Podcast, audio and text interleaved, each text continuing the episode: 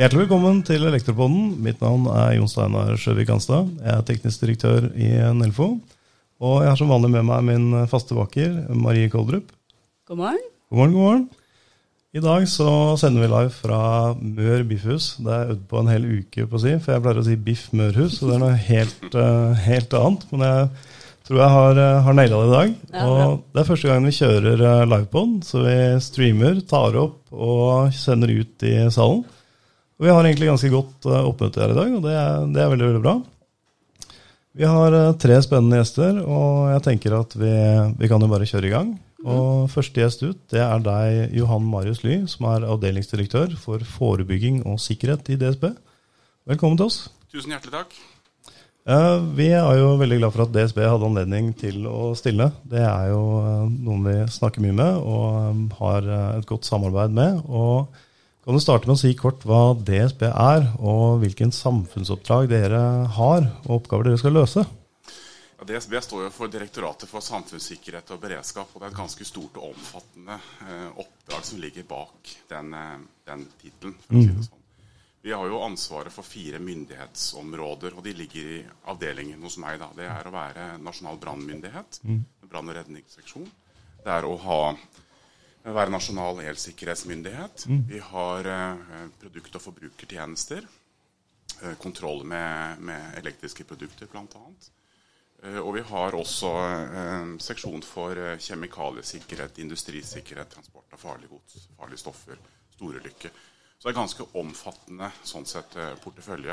Og så er jo fokuset nettopp på samfunnssikkerhet og fokus på hvordan vi kan bidra til å forebygge ulykker gjennom vårt regelverk, gjennom den tilsynsaktiviteten vi gjør, og gjennom det egentlig også være rett og slett en, en god tilsynsmyndighet og en god myndighetsutøver.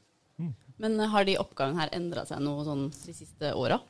Ja, jeg, jeg, har Ledende ja, altså, jeg, har jobbet i DSB i to år, og jeg er litt usikker på hva som er normaltilstanden. Da, ikke Ja, ikke sant. Fordi de siste årene har vi jo alle vært igjennom, og er vel for så vidt også fortsatt oppe i en pandemisituasjon. Vi har krigen i Ukraina, vi har klimakonsekvensene som vi ser effekten av når det gjelder både vær, tørre klimaer, skogbranner, mer regnvær og den type ting. Så litt vanskelig å si egentlig hva som er normaltilstanden. Men jeg tror kanskje akkurat det at ting er i endring, og at samfunnet beveger seg forover, det tror jeg er en del av det. Og innenfor dette området vi for så vidt snakker om her, sånn, så, så det er klart at når Norge skal elektrifiseres i veldig mye større grad enn det vi har hatt fram til nå, så blir det flere oppgaver som kommer på det. Både hva gjelder direkte bruk av elektrisitet, men også gjennom eh, lagringsmedier, batterier, bruk av eh, hydrogen, ammoniakk, andre typer energibærere enn det vi har hatt eh, tradisjonelt fram til i dag. Ikke sant? Så hva er egentlig statusen for elsikkerheten i Norge i dag? Det ligger jo ligger under dere. her. Hvordan står det til med elsikkerheten? Hovedinntrykket er jo at elsikkerheten er bra. Så kan jeg kanskje dele det inn i fire forskjellige sånn sett, områder. For det ene er altså, branner med elektrisk årsak. Siden liksom, brann og redning er en del av min portefølje, så, så ser vi at veldig mange branner har jo en årsak i en eller annen form for elektrisk eh, feil. Da, sant? Så klart, her er det et, et, en, en sak å gjøre i forhold til å få den feilraten ned og få liksom unngå den type brannårsaker.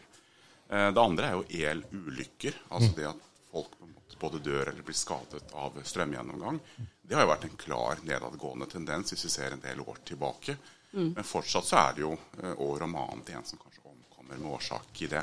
For her er det viktige ting å ta tak i for å liksom løfte det opp og få det kanskje helt ned mot null. Og ha en type nullvisjon på den type, type ulykker. Men når du snakker om statusen på elsikkerheten, da, eh, sammenligner du mest med historiske data i Norge, eller sammenligner dere også f.eks. med andre land, andre regioner osv.? Vårt utgangspunkt er først og fremst, og de tallene jeg har, er mest sammenlignet med det vi har i Norge. Altså Ja. utviklingen som har vært hos oss. Jeg har ikke noen tall, jeg har veldig lite kjennskap til egentlig hvordan situasjonen er i verden generelt. Men jeg tror jo at Norge ligger ganske bra an, da. Eh, også på disse områdene. Fordi vi har en god tradisjon. Vi har fokus på HMS, eh, arbeidssikkerhet, eh, sikre jobbanalyse og alt det vi gjør når vi skal ut og gjøre jobber. Så utgangspunktet er at jeg tror det er et bra, bra, bra nivå på sikkerheten. Dag. Ja, altså på, på antall branner så ligger vi sånn noenlunde på, på snittet, hvis du sammenligner med, med resten av verden og ikke minst Europa. Og det er ganske fantastisk med tanke på at vi bygger stort sett i treverk. Ja, det er. Eh, I resten av Europa så har du spesielle regler for når du bygger i treverk. Det, de vil ikke finne på å bygge et hus i tre. De bygger bare i mur og betong som ikke brenner. Så vi skiller oss veldig ut der, egentlig. Så med den brannstatistikken så står det egentlig bedre til i Norge enn det gjør i, i mange andre europeiske land, da, med tanke på, på elektriske installasjoner. Og Derfor er det kanskje litt vanskelig å sammenligne direkte også da, med andre land, siden vi skiller oss litt ut. Ja, altså, reglene er jo forskjellige fra land til land òg. Ja. Det er veldig vanskelig å si akkurat hvor er, eh, hva er som gjør oss gode, eller hvor er vi igjen i forhold til andre. Nettopp fordi det er forskjeller på både innretning og som du sier, byggekvalitet og byggeprodukter og, og egentlig ja, forskjeller. Det er litt interessant dette her med at vi får inn ny teknologi, for vi, vi har fått elbilene på, på veien. Og jeg har samarbeida mye med Jostein Weng Gran opp igjennom. Han er nå pensjonert, men, men han har gjort en formidabel jobb innenfor dette med, med elbillading. Og til å begynne med så snakka vi bare om hvor farlig elbilen var, og hvordan det brant, og liksom hele den greia der. Vi tok på en måte ingeniørperspektivet og snakka hele tiden liksom worst case scenario. Vi snakka om hva som skjer i ytterste konsekvens. Var litt uh, artig å se hvordan ting utfoldet seg i media når denne saken på P-huset på Sola kom. For det første brannmannen som kom på TV, han begynte å snakke om at elbilen var farlig, og litium-ionebatterier, og liksom gikk rett på den. Og så fant man ut at det var en Opel Safira 2005 dieselbil som faktisk starta den brannen. Så det handler litt om hvordan vi er på en måte biased for å se på, på ny teknologi, da, og, og hvordan det er. Ja, det er, ikke, det er ikke noe i vår statistikk som indikerer at det er eh, høyere brannrisiko eller flere branner med årsaker i elbiler. Snarere det motsatte. ikke Ja. sant? At det er eldre fossildrevne fartøyer, som, eller biler, da, som ofte er årsak i bilbranner. Ja, eh, Vi kjørte over Brokelandsheia, og da sa jeg til Marie at eh, her har det brent en elbil i Norge. Og det er en av de få elbilbrannene jeg faktisk vet om, er den på Brokelandsheia. Og det skjedde vel for ja, åtte-ti år siden. Det er, det er i hvert fall lenge siden den, den brannen skjedde. Men, så, men så tror jeg også det er også et eksempel på hvor um, hvert fall Som Jostein har fortalt meg tidligere, da, at, at uh, nettopp det at vi var tidlig ute med å regulere hvordan lading skal foregå, og satte krav til det, det tror jeg er et eksempel på hvorfor uh, vi har hatt få hendelser. Fordi man har vært tidlig inne, sett at dette er et marked som kommer. Dette er en aktivitet som er nødt til å bli regulert, og gått inn og gjort fysiske og aktive grep for å gjøre det. Og det bidrar til å dra ned både brannrisikoen og sannsynligheten. Ja, Der må jeg berømme dere, for der var dere tidlig ute på, på ballen, som du sier. Og der fikk vi faktisk ut informasjon om at det er fornuftig å lade med en type 2-kontakt. Og når vi begynte å snakke med de andre europeiske landene, så var det sånn lading av elbil. Vi har ikke noe elbiler. Det, det er ikke noe infrastruktur for det i det hele tatt. Vi, vi vet ikke hva vi skal gjøre. Det var ingen som hadde elbiler på veien. Vi hadde masse insentiver og fikk bare flere og flere biler. Og Det var rett og slett sånn Hva gjør vi nå? Hvordan skal vi rigge for det her? Så, så det gikk jo for så vidt bra. Det har gått bra, bra så langt. Um, så har vi dette begrepet elsikkerhet. Det er jo en, en del av det du har, eh, ansvaret for. Og det elsikkerhetsbegrepet, er det liksom Er det i endring? På mange måter så er det vel kanskje det. Altså, når hele samfunnet skal uh, mer eh, drives elektrisk, så, så klart det er jo to, to elementer i det. Det er jo berøringssikkerhet og det er forsyningssikkerhet. Eller arbeidssikkerhet og forsyningssikkerhet. Eh, begge delene er viktige for å få strømmen fram til sluttbrukerne. Mm.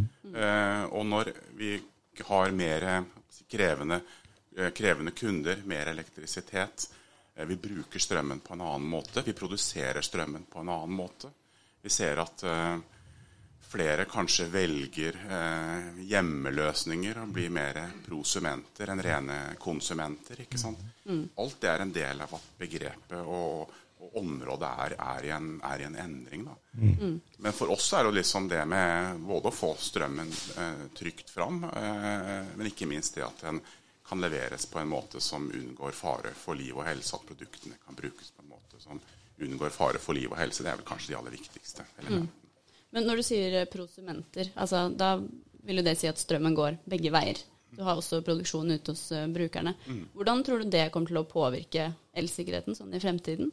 Fra deres uh, ståsted? Det er vanskelig å si, da. Men vi ser jo at, eh, eller har jo sett eksempler på, kanskje riktigere å si, at eh, folk gjør Noen kan finne på litt lure løsninger. ikke sant? Man bruker ulike batteribanker, finne måter å lagre strømmen på hjemme som kanskje ikke er regulert, og kanskje du kobler deg fra nettet i det store og det hele. Og da er det jo ikke gjenstand for tilsyn eller kontroll fra myndighetene sin side i det hele tatt. Nei. Det vil jo på en måte utfordre det, og da er man jo helt avhengig av at de som gjør den type ting. Er kjent med hva de gjør, og, og, og har kontroll på det de driver på med. Mm. For det er jo litt sånn som elbilmarkedet var for noen år siden. Da. Hele dette solcellekonseptet med at energien produseres eh, ikke sentralt, men ute i de tusen hjem. Mm. Um, hvordan jobber dere på en måte for å forutse eh, hvordan dette blir om noen år? For det, jo, det, er jo i ferd med å ta av i Norge nå, spesielt det året her.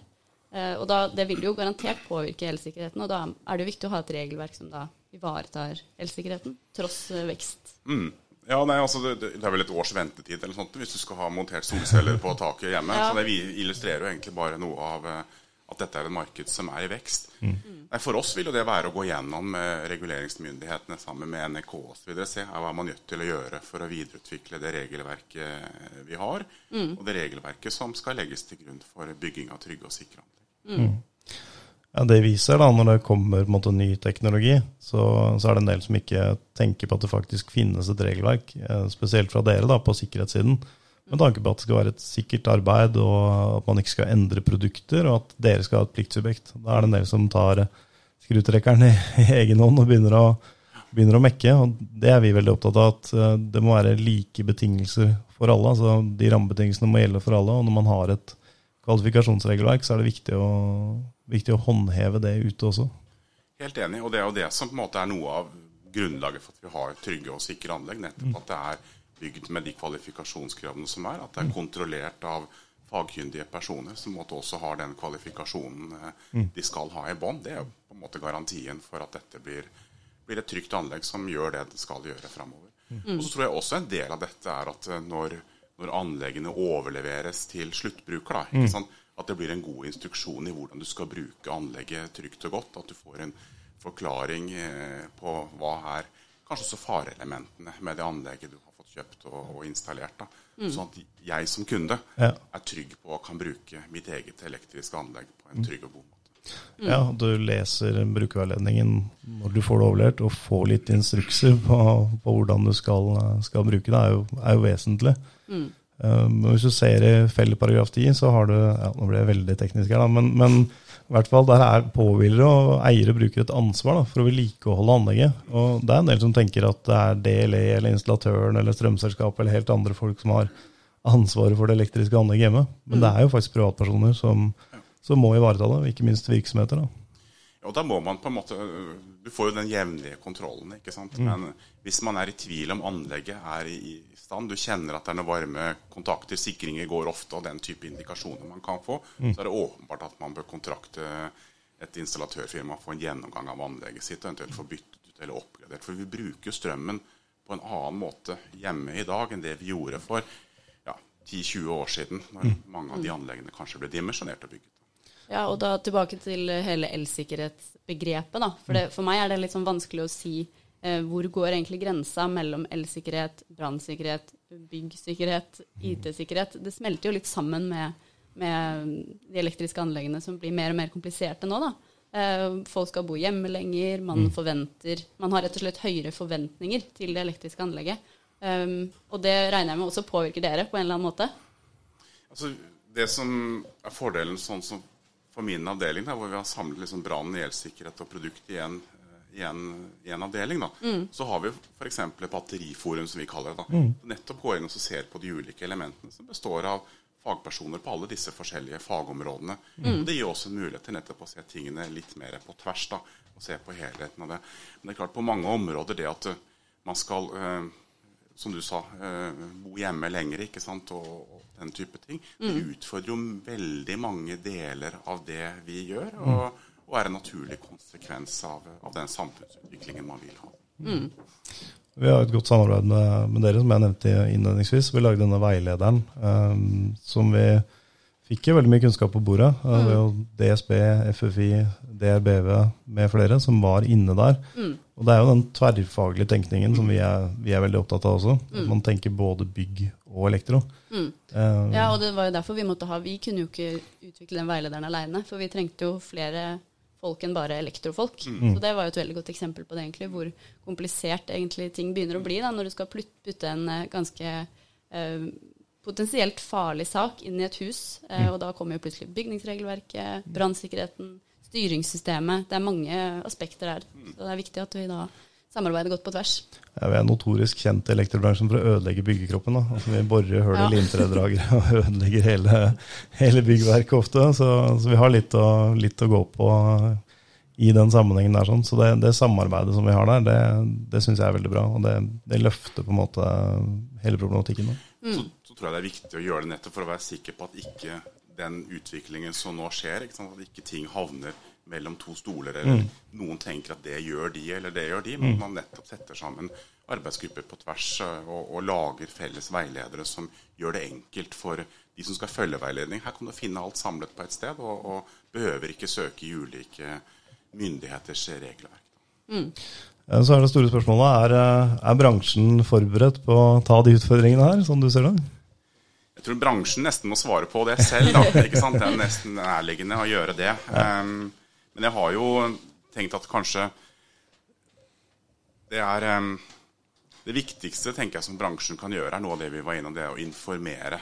Når man er ute og, og følger opp anlegg, installerer, har kontroller. Sikker bruk, veiledning. Ikke bare etterlate en, en bunke med, med bruksanvisninger, men forklar hvordan dette skal, skal gjøres. Så folk er forskjellige når det gjelder eh, modenhet på den type ting, så jeg tenker det er en ganske viktig bit. Eh, Så tenker jeg det å sørge for at man har eh, god oppfølging og opplæring av lærlinger er også en viktig bit. Jeg tenker liksom litt på den kompetansen som skal komme fremover når dette utvikles videre.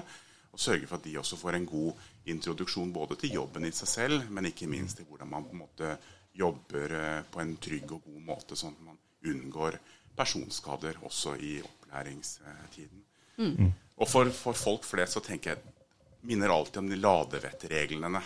Ikke sant? Det tenker jeg er Tenk gjennom hvordan du lader alle dine elektriske produkter og gjør det på en trygg og god måte. Følg ladevettreglene, så tar vi ned risikoen i fellesskap. Det er gode råd å ha med seg på veien. Eh, Det at du nevner lærlinger, syns jeg er veldig bra. fordi det er en gruppe vi er nødt til å ta vare på. Det er den morgendagens fagarbeidere. og Vi, vi har rett og slett for få fagarbeidere nå, så vi må rekruttere og få inn flere i bransjen. Det er en bransje som, som vokser, og ulykkesstatistikken på lærlinger den eh, trenger vi ikke å være så veldig stolt av, for å si det sånn. Den er dessverre overrepresentert i den statistikken. Så det er noe vi må ta på oss og jobbe aktivt med videre. Og med det så tenker jeg at vi kan runde av, Johan Marius. Tusen takk for at du eh, stilte opp her i dag. Bare hyggelig.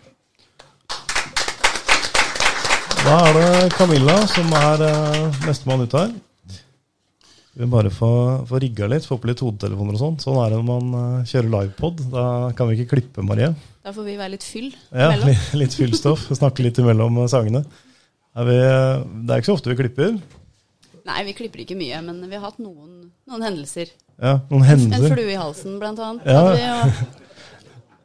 Det er, det, er, det ikke noe å le av. Det var en alvorlig hendelse. Jeg fikk en flue rett i, rett i munnen når vi satt og snakka. Det, det var vi nødt til å, nødt til å avbryte og, og klippe litt. Det, det, var, eh, det var noe jeg ikke hadde, hadde regna med å, få, for å si det sånn.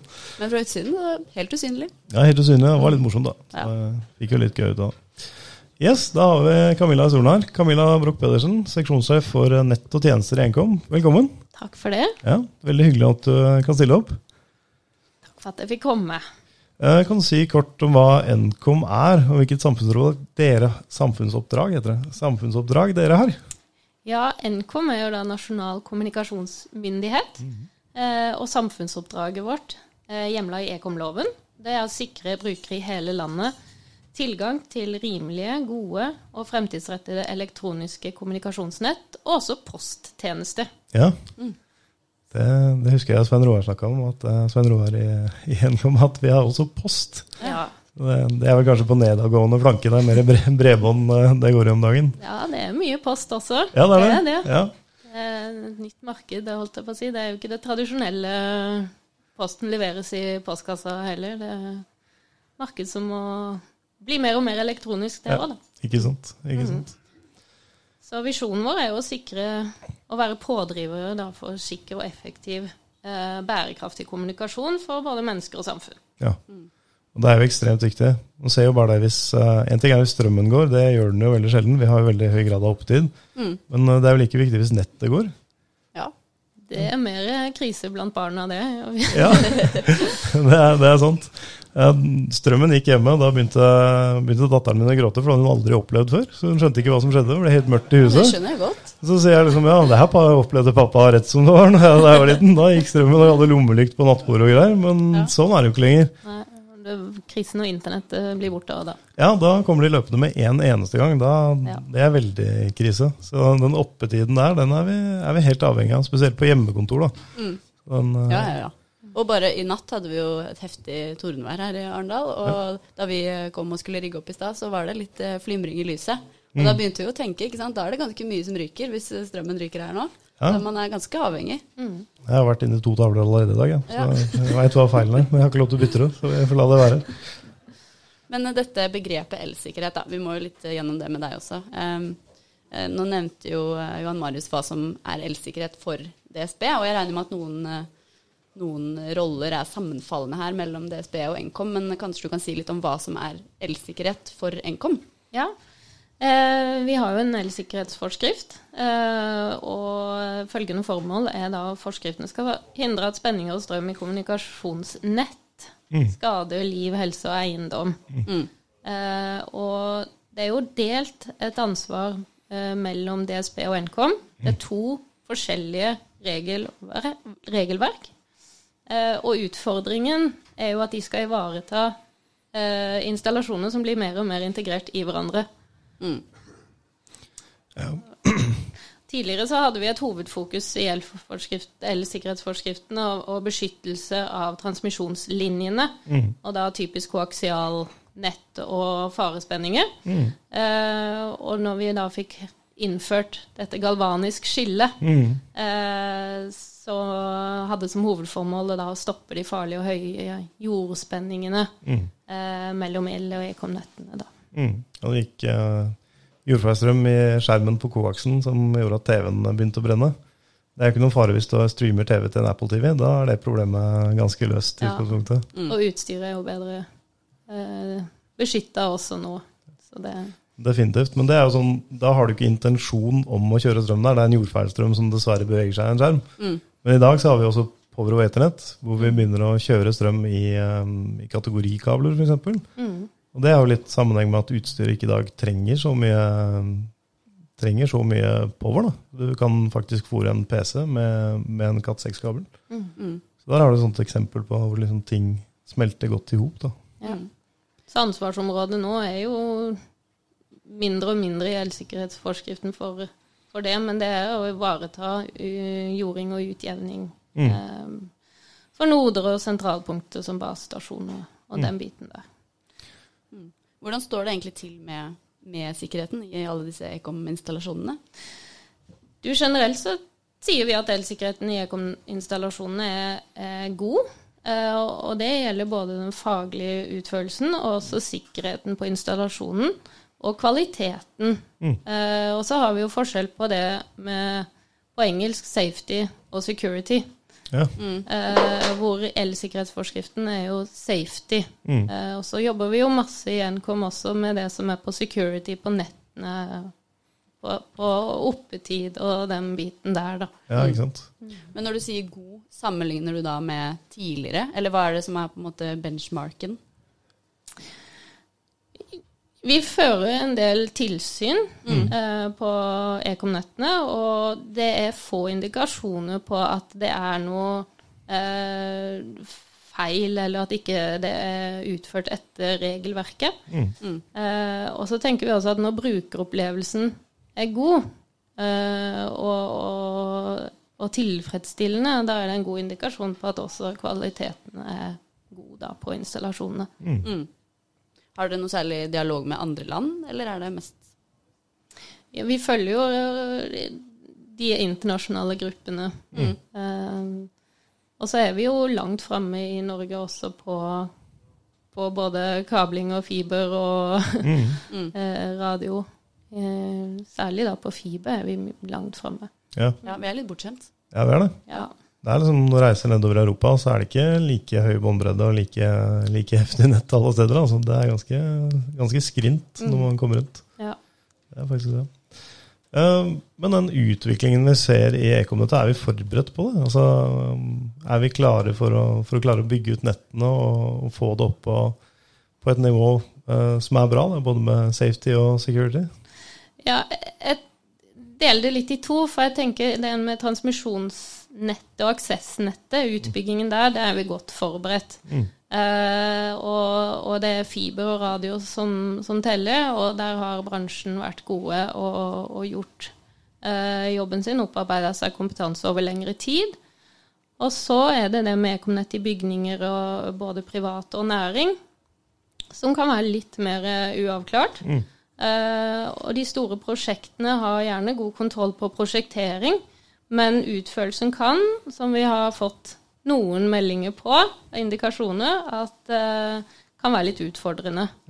Eh, og da spesielt eh, hvis elvirksomheten har fått totalentreprisen og glemmer Ekom inn i, i den biten der, da. Ja, det blir litt sånn stemoderlig behandla inn i antiprisen. Ja, Ja. Så det er noe vi ønsker å ha ekstra fokus på i Nkom nå, og gjøre også flere kontroller av eh, nærings- og leilighetsbygg, da. Ekomnett-kontroller. Ja, Riktig. Ja, for Dere har også kjørt et sånt kvalifikasjonsprosjekt hvor dere gjorde en del ting. Kan du si litt om, om det? Kamilla? Ja eh, Skal vi se. vi har jo revidert autorisasjonsforskriften for å tilpasse oss det markedet som er der ute. Eh, og noen av de tekniske kravene som allerede eh, er foreslått i det kvalifikasjonsprosjektet, eh, eh, det er flytta inn i den nye ekomforskriften. Mm. Eh, og da vil den tradisjonelle autorisasjonsforskriften som vi har i dag, ta mer form som en kvalifikasjonsforskrift, sånn at vi følger litt mer enn det som DSB har. Ja, opp mot fell. Mm. Ja. Og så er det også foreslått faktisk at prosjektering også skal bli en del av det her. Og det er jeg veldig glad for.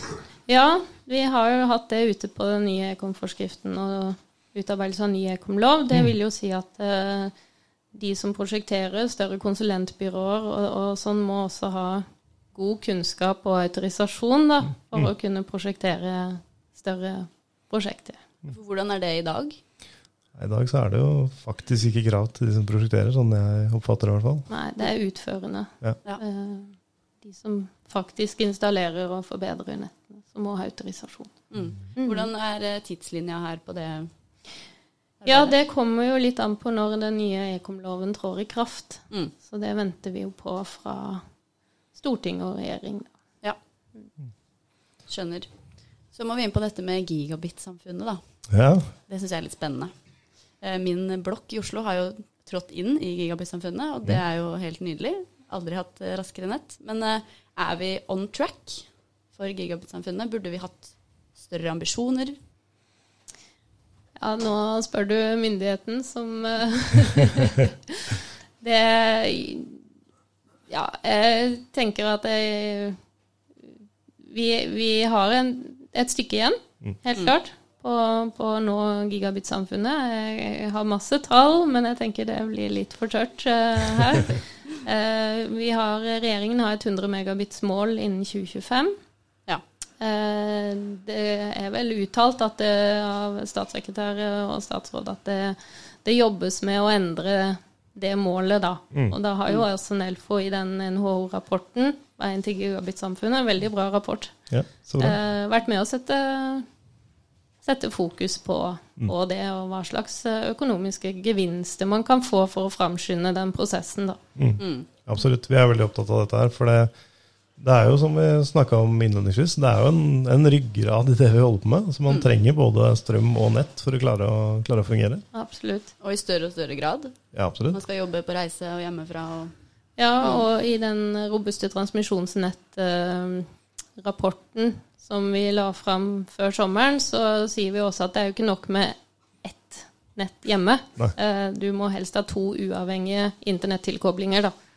Eh, Fordi at det, vi blir så avhengig av å være på hele tiden når vi skal, som du sier, bo lenge hjemme, og alt skal styres. Ok, Det er jeg veldig glad for at du sa, Camilla, for jeg tenkte at jeg var helt rar. For jeg satt og tenkte på det her om dagen. Kanskje jeg skulle sagt ja til han 5G-selgeren. Jeg har fiber hjemme. Og så kunne jeg bare switcha mellom de. Da er det to sekunder mellom, eh, mellom de to på firewall, så er vi oppe og går. Mm. Det er ganske tøft. Ja. det er nok utstyr som kommer etter hvert òg, i modem og diverse, at man kan lett switche da, Ja. hvis den ene går ned. For da ligger den og og kjenner på det, og så bare vipper den over på neste nett, og så kan du jobbe ja, nesten sømløst. da, To sekunder, det, det tåler vi av nedetid på, på jobben. Det går bra.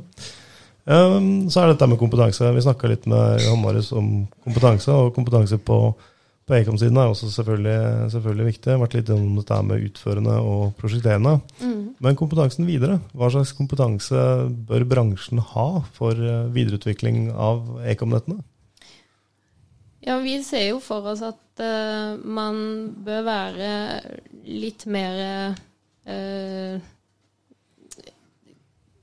nysgjerrig på hva som skjer fremover, og også at installatørene ikke bare ja, hva kan vi si sortere Svein Roar Jonsmyr. Det må opp et knepp i forhold til å bare skru kontakter. Ja. Eh, og så er vi opptatt av å skille eh, minimere det skillet mellom L og Ekom i fag og terminologi. Mm. Eh, sånn at eh, er man L-installatør, så har man også Ekom med på lasset. Mm. Hvordan er den balansen i dag? Er det mange bedrifter som har eh, begge, begge delene av kompetansen? Eh, Kanskje et vanskelig spørsmål? ja, det sitter vel dere også litt med på informasjon, Mm. men uh, du eh, kanskje visst det sjøl, men Ja, altså, For å svare enkelt på det, alle bør ha det. Altså, Du Ja. kan ikke drive som elektroinstallatør i dag uh, og montere ting hvis du ikke har uh, Ekom-autorisasjon. Det er nesten umulig. ja. Og det er jo litt sånn som eh, ja, Svein Råren har jo definert eh, Ekom-begrepet ganske, ganske vidt. Og mm, han har absolutt rett i det han sier. Eh, Første gang han sa det, så satte jeg kaffen skikkelig i halsen, for jeg tenkte at det her er voldsomt mye vi har ansvar for Mm. på dette her. Og ting som er standardutstyr, det bør jo bare funke. Men det har jo mye med, med støy og at ting er kompatibelt og faktisk fungerer sånn som det skal. Eh, og jeg har vært uh, nede også og besøkt dere noen ganger, og jeg har sett de bilene som dere har stående utenfor. Sånn uh, peilebil med haug med antenner og greier på taket for å, for å undersøke ting. Det er ganske, ganske heftig, heftig opplegg dere driver med for å, for å avdekke ting. Ja, og så har vi jo stand her på Arendalsuka også, hvor dere kan ta en titt på det utstyret, hvordan det peiler. Så, Da må vi dit etterpå. Ja, Marie. tror jeg. ordentlig, ordentlig mye gøy inni den bilen der. sånn.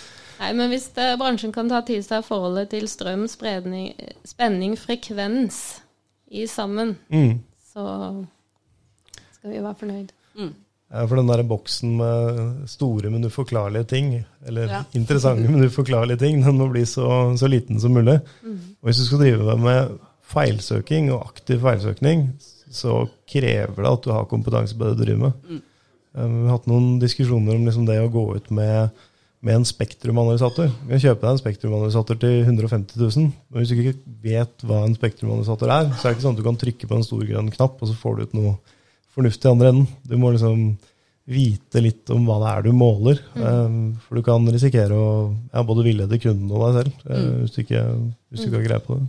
Og de endringene som gjøres da eventuelt eh, framover i ekomforskrift og eh, det krever jo også at eh, vi må benytte skoleverket og fagskolene til å også eh, ja, få med seg de endringene som gjøres, og kontinuerlig forbedre seg. Mm. Mm.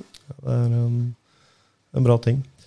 Um, avslutningsvis så tenkte jeg vi skulle spørre deg om å gi noen råd på veien videre. Har du eh, to råd til oss, eh, Camilla, som vi kan ta med oss eh, videre som bransje?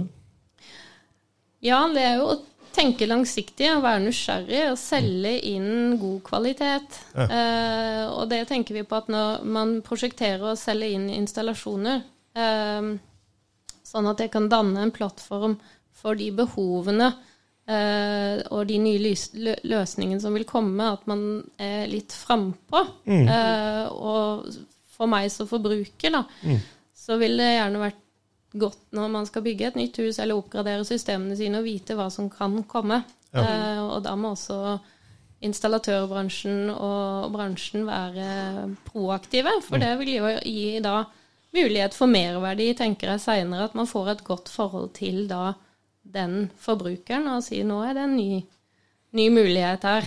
Eh, huset ditt kan styres på en ny måte, eller Så hvis man legger fundamentet på forhånd.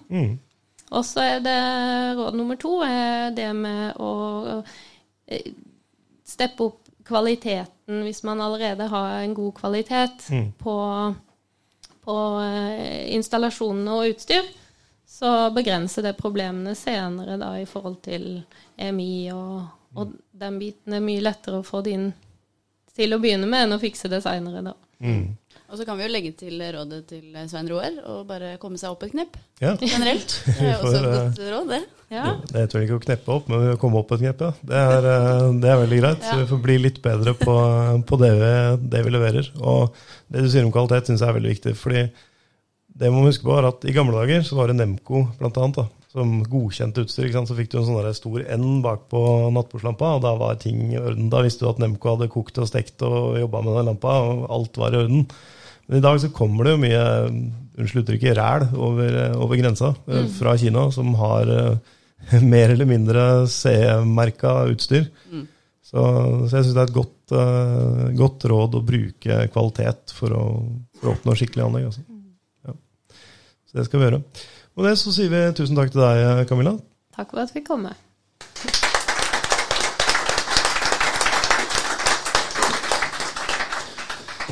Nestemann ut det er uh, Torgeir Waterhouse. Eh, han er partner i Otte. Da skal vi bare få mikka opp uh, Torgeir, eller i hvert fall få på, få på headset.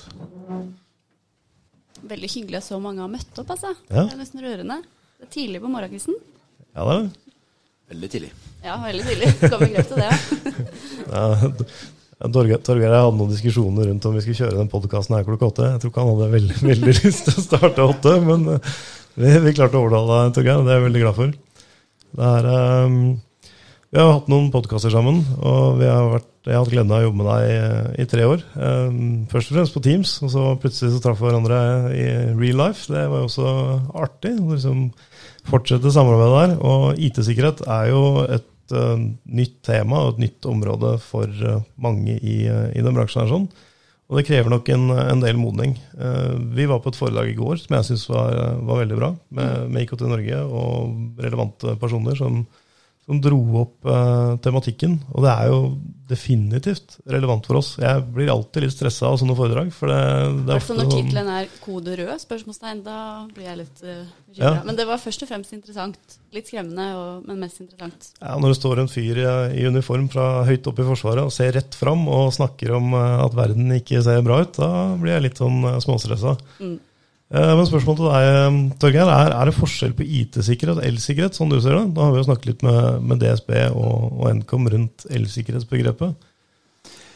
Ja, altså det er jo forskjell i den forstand at teknologiene som er i bruk, er forskjellige. Men eh, ser man på hva man ønsker å oppnå, og hvorfor man snakker om det, og hvorfor man er opptatt av det, og hvorfor det skal føres tilsyn og tas på alvor, som det ble sagt her, øke kvaliteten kontinuerlig, så er det jo på mange måter ganske likt. Fordi det handler om å ivareta menneskers trygghet, det handler om å ivareta samfunnets funksjonsgrad. Og de verdiene vi har, som, som preges av da, det som er i bruk. Eh, så er klart det at det er en stor forskjell på at maten i et kjøleskap går i stykker fordi strømmen er borte, og at uh, noens personopplysninger er helt på avveie. Men, men, men kjernen i det er det samme. Og at uh, vi må være gode på å avklare hvem som har ansvar, hvem skal gjøre hva. Men også hvordan vi skal leve med det som dere akkurat beskrev. For det er klart at uh, verden har jo alltid vært sånn at det er mulig at ting kan gå galt. Um, det, verdenshistorien er full av byer som er blitt borte pga. naturkatastrofer, uh, hendelser som er trigga av mennesker osv. Så, videre. så så det i seg selv er ikke noe nytt. Så det handler om å fokusere på hva det vi kan, faktisk kan gjøre noe med. Og, og en av utfordringene med eh, bl.a. disse kode rød-debattene, som det er en del av, er jo også det at man fokuserer på det som ingen av oss kan gjøre noe med, fremfor det vi faktisk kan gjøre noe med. Fordi det jeg lurer på, er om Eller altså For det første, bør jeg bekymre meg, og hvor mye bør jeg egentlig bekymre meg? Altså, min tilnærming til det er at eh, det er mye bedre å smile enn å gråte. Ja. Um, og at eh, du skal være um, bevisst på at det er problemstillinger. Du skal være bevisst på hva du må gjøre dersom du blir ramma av noe. Eh, og den bevisstheten kan være forskjellig for deg som privatperson, for deg som arbeidstaker et sted. Og så skal du for øvrig ikke la uh, all dritten som er der ute, alle de forsøkene på å ødelegge som er der ute osv., prege livet ditt. Så hvis du neste gang møter deg på gaten her ute, så vil jeg at du skal smile. Mottatt. Um, Ja, det var litt sånn interessant med, med det vi hørte i går også. For det, det blir jo liksom framstilt som, som veldig voldsomt. Da snakker man om eh, cybersikkerhet, det store bildet. Eh, I hvert fall det jeg har lært av deg, Torgeir. Forskjellen på IT-sikkerhet og cybersikkerhet. Vi hadde en sånn liten seanse på tavla på det. Og når vi snakker om cybersikkerhet, så snakker vi på en måte om helheten. altså verden rundt og det trusselbildet som vi ser. Mm.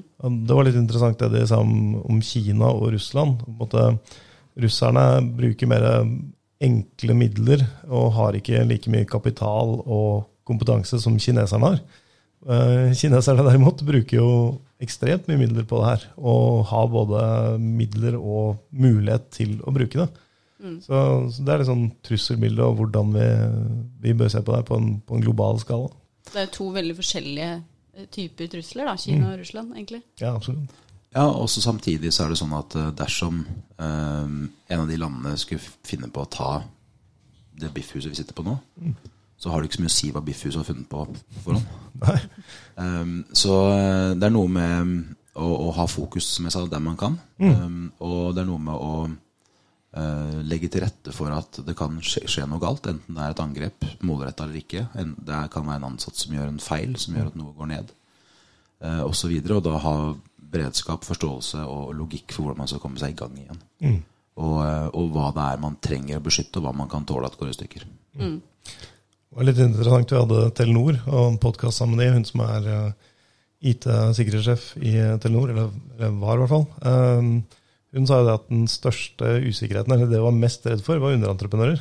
For liksom Ja. Det de hadde i eget hus, sånn inhouse, det, det hadde de kontroll på. Men det var egentlig oss, da, for å si. De bedriftene som kommer inn og skal, skal gjøre en jobb, de var mest bekymra over om vi hadde sakene i orden rundt dette her.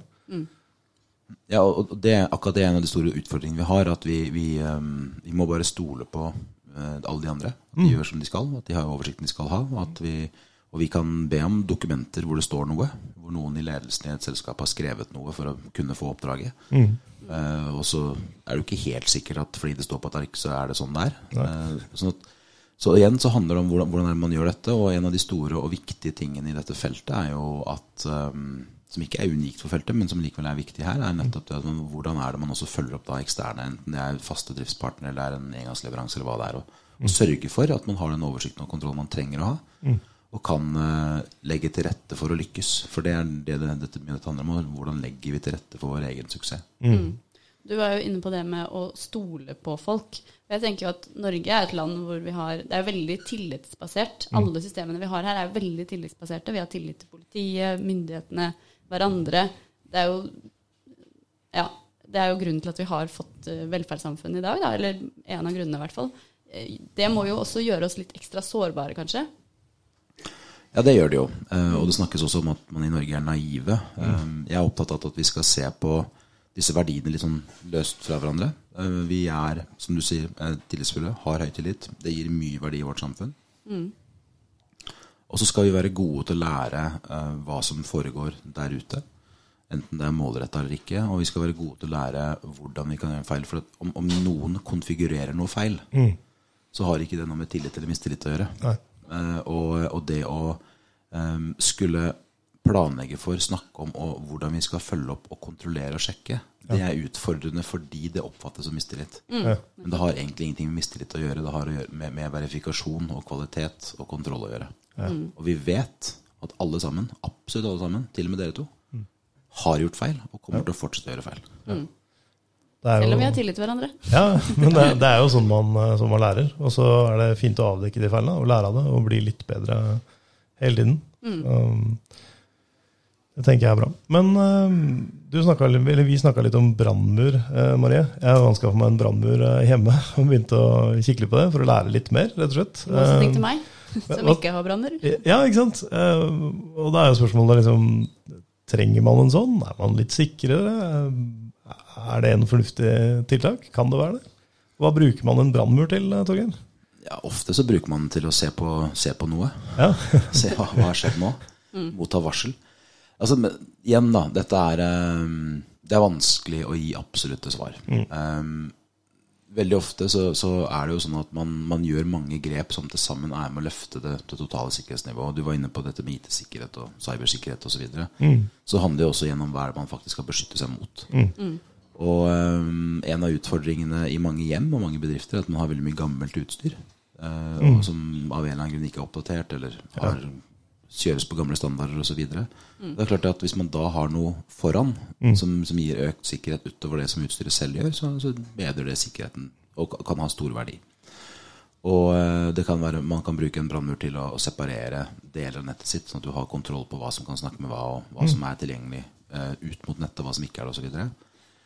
Men uansett hva man vet om av teknologi, beherska teknologi, ønsker teknologi osv., så, videre, så så er jo det viktigste at man starter med å forstå hvem er jeg? Hva har jeg? Hva gjør jeg? Hva, mm. hva er det som foregår i min drift? Mm. Som er viktig. Og, og, jobbe godt med hvordan man ivaretar sikkerheten i det. Enten vi snakker om det som er lovregulert eller mm. avtaleregulert, eller det som i hermetegn bare er egne verdier og egne interesser. Mm. Ja, det går på alt fra omdømme til at du sprer personopplysninger, til at du må gjøre feil ut mot kundene dine. Og Det var egentlig grunnen til at vi satte i gang hele IT-sikkerhetsprosjektet. var rett og slett det at Um, jeg var på et foredrag med, med Torgeir, og han la fram en del problemstillinger. Så jeg tenkte at det her gjelder jo oss. Dette her er jo noe vi står i hver eneste dag. Mm. Og jeg vet at mange gjør ting der ute i beste mening som kan få veldig store konsekvenser. Det kan være for å få en termostat til å kommunisere ut. Um, så åpner du port 80 uten å tenke deg om, og sier ingenting til kunden. Ting funker, alle er fornøyde, helt til det skjer et eller annet. Ja, og Der er jo en av utfordringene at fokuset er på at ting skal virke. Mm. Så Hvis vi gjør det veldig veldig enkelt og, og nærmest smalt, så, mm. så, har vel antagelig alle vi tre, og alle i salen og alle som hører på, eh, fått opp bokser på en skjerm hvor det mm. står noe. Og det legger seg foran det vi skal se på. Så det, det vi er opptatt av, hvordan får jeg vekk den boksen. Ikke ja. hva som faktisk står der. Jeg blir sur bare du nevner det. Man har jo så liten tålmodighet. Fordi forventningene er jo så høye i dag. Ja, og samtidig så er en av utfordringene at vi ved å nærme oss sikkerhet på den måten, altså ved å rette spørsmål eller forventninger til brukerne, så sier vi også at vi baserer sikkerheten vår på at alle ansatte eller hver enkelt av oss som privatperson er i stand til å gjøre riktig eller best mulig vurderinger til enhver tid. Mm. Og, og, når vi bruker nettet som vi gjør, f.eks., mm. så, så gjør vi jo det døgnet rundt. Vi gjør det ikke bare når vi er mest skjerpa. Vi gjør det når vi er sløvest. Vi ja. gjør det når vi har, har dårlig tid, når andre forstyrrer oss mens vi holder på, mm. osv. Så videre, sånn at eh, noe av det vi til enhver tid må nærme oss, er liksom hvordan klarer vi å flytte mest mulig av vurderingene fra personene til systemene. Mm. Det er sant. Det er sant. Eh, en ting av de, det vi har snakket om, Torgeir, inni, inni det prosjektet som vi har hatt, er jo dette med grunnprinsipper. Og NSM har noen uh, grunnprinsipper. Er det fornuftig å gå inn og Selvfølgelig et veldig ledende spørsmål, men er det, er det fornuftig å gå inn og se på de? Altså, det jo, jeg har lest de noen ganger. Ja, det er absolutt fornuftig. Mm. Eh, og så er det sånn at eh, for mange så vil de være overveldende. Mm. De kan være fulle av språk som er vanskelig å forstå. Mm. De kan være, ha, et, uh, ha, en innretning som kan være vanskelig å omsette til hva betyr det at jeg skal gjøre i mitt nett og med mine systemer, og det er ikke sikkert jeg selv har kontroll på det osv. Kanskje jeg er avhengig av en leverandør eller, uh, eller andre eksterne. Så, uh, men det man virkelig må gjøre, er å gå inn i liksom, hva er essensen i de. Altså Se på det og for, prøve å forstå hva betyr dette i praksis for meg. Mm. Eh, og det handler jo om i bunn og grunn enkle ting som å være i stand til å fange opp at noe skjer. Mm. Være i stand til å håndtere at det skjer, og være i stand til å komme seg i gang igjen etter at det har skjedd. Og man har forhåpentligvis håndtert det skikkelig. Mm. Og um, så er det selvfølgelig sånn at det er en enorm forskjell på å være et selskap med én eller to eller tre ansatte og være et selskap med 10 000 ansatte. Mm. Det er enorm forskjell på å, om vi snakker om den, den, driften som er din egen, og det du gjør for en kunde. Mm. Og det er klart at hvis du har eh, alt i sky, leveres av andre eksterne aktører, og det eneste du egentlig gjør, er å logge deg inn i systemer som er som de er, mm. så er det også noe helt annet enn hvis du drifter mye lokalt eller hjemme. Mm. Og en av de store utfordringene vi har, er nettopp alt det vi drifter selv. Mm. Og hvor vi, når det måtte passe sånn, og når vi husker på noe, prøver å late som vi er bedre på sikkerhet enn de som eventuelt angriper oss, og osv.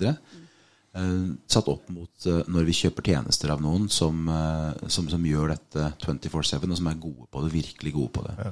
Så man kan jo f.eks. spørre seg da, tror vi at en ekstern, kanskje til og med internasjonal proffleverandør med mange tusen ansatte som bare fokuserer på én type drift og tjenesteutvikling, er bedre på det enn når jeg selv er IT-avdeling på hobbybasis ca.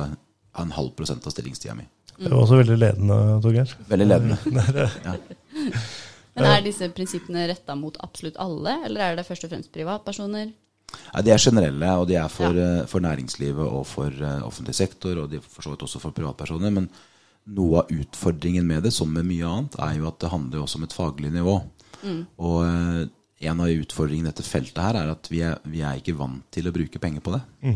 Man er vant til å betale for EU-kontroll på bilen, for det har staten bestemt. Man er vant til å betale en snekker for å komme og fikse hull i veggen. Man er vant til osv. Og, videre, og ikke minst vant til å betale for elektriker som kommer og monterer og reparerer og sjekker osv. Og, og bygger ut. Eh, Men vi er ikke blitt vant til å betale for bistand til bl.a. IT-sikkerhet. Mm. Som, eh, som ikke bare er noe som vi ikke er vant til, men som ofte er noe vi ikke ser. Du ser ikke angrepene som har vært uh, vellykka. Ofte så snakker vi om at det finnes to typer virksomheter. De som er attacka, og de som ikke vet at de er attacka.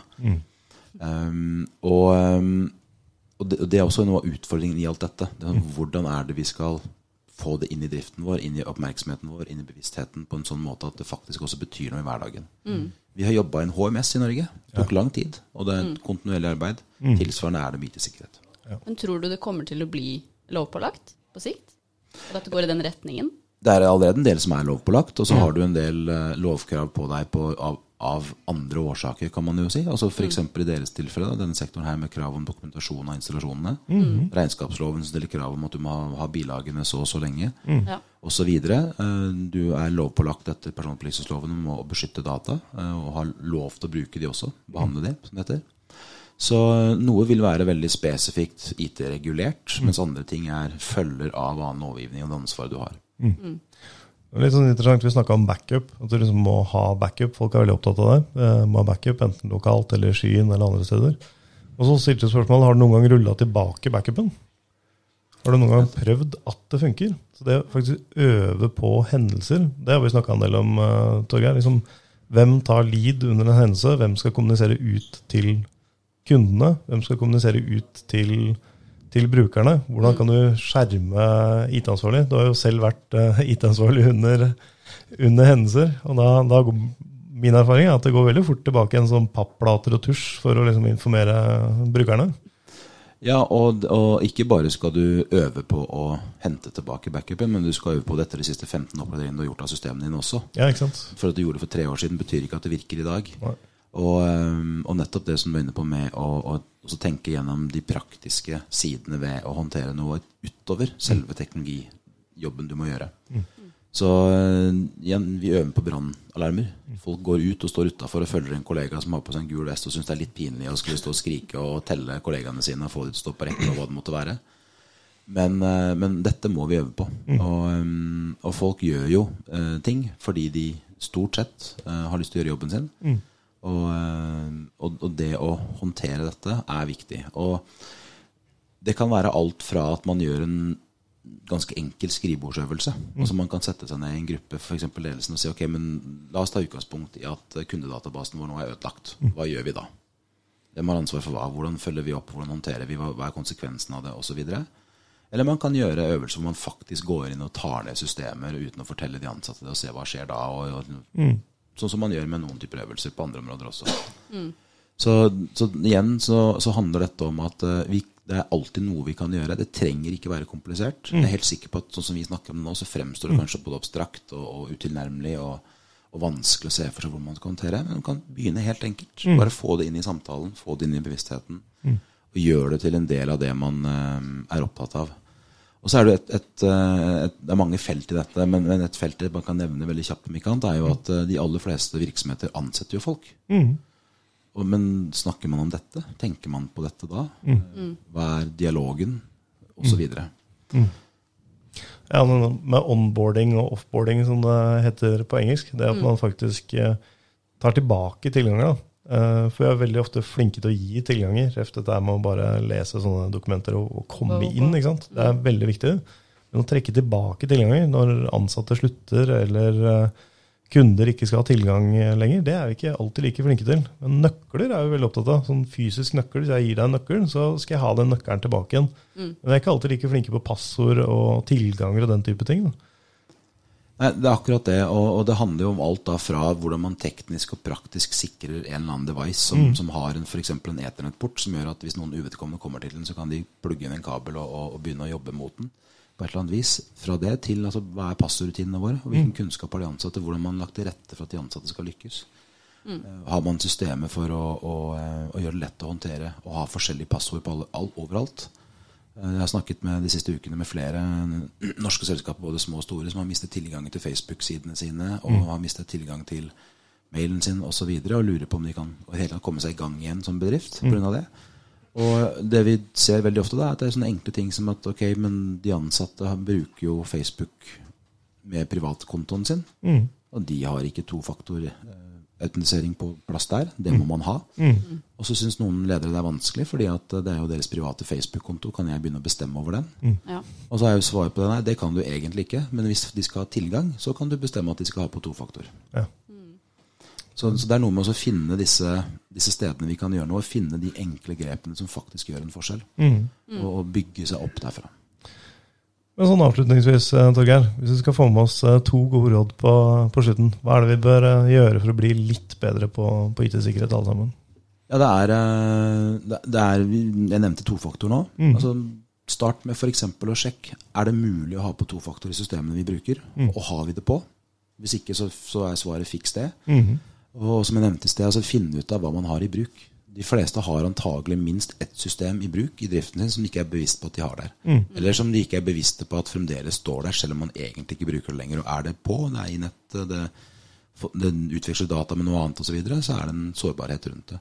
Så, og også bare, og selv om det ikke er noen sårbarhet der direkte, så er det bare å ha de på plass og aktivt, selv om man ikke bruker det, vil jo øke kompleksiteten. Så det å legge til rette for seg selv, så man passer på best mulig at man er i stand til å lykkes.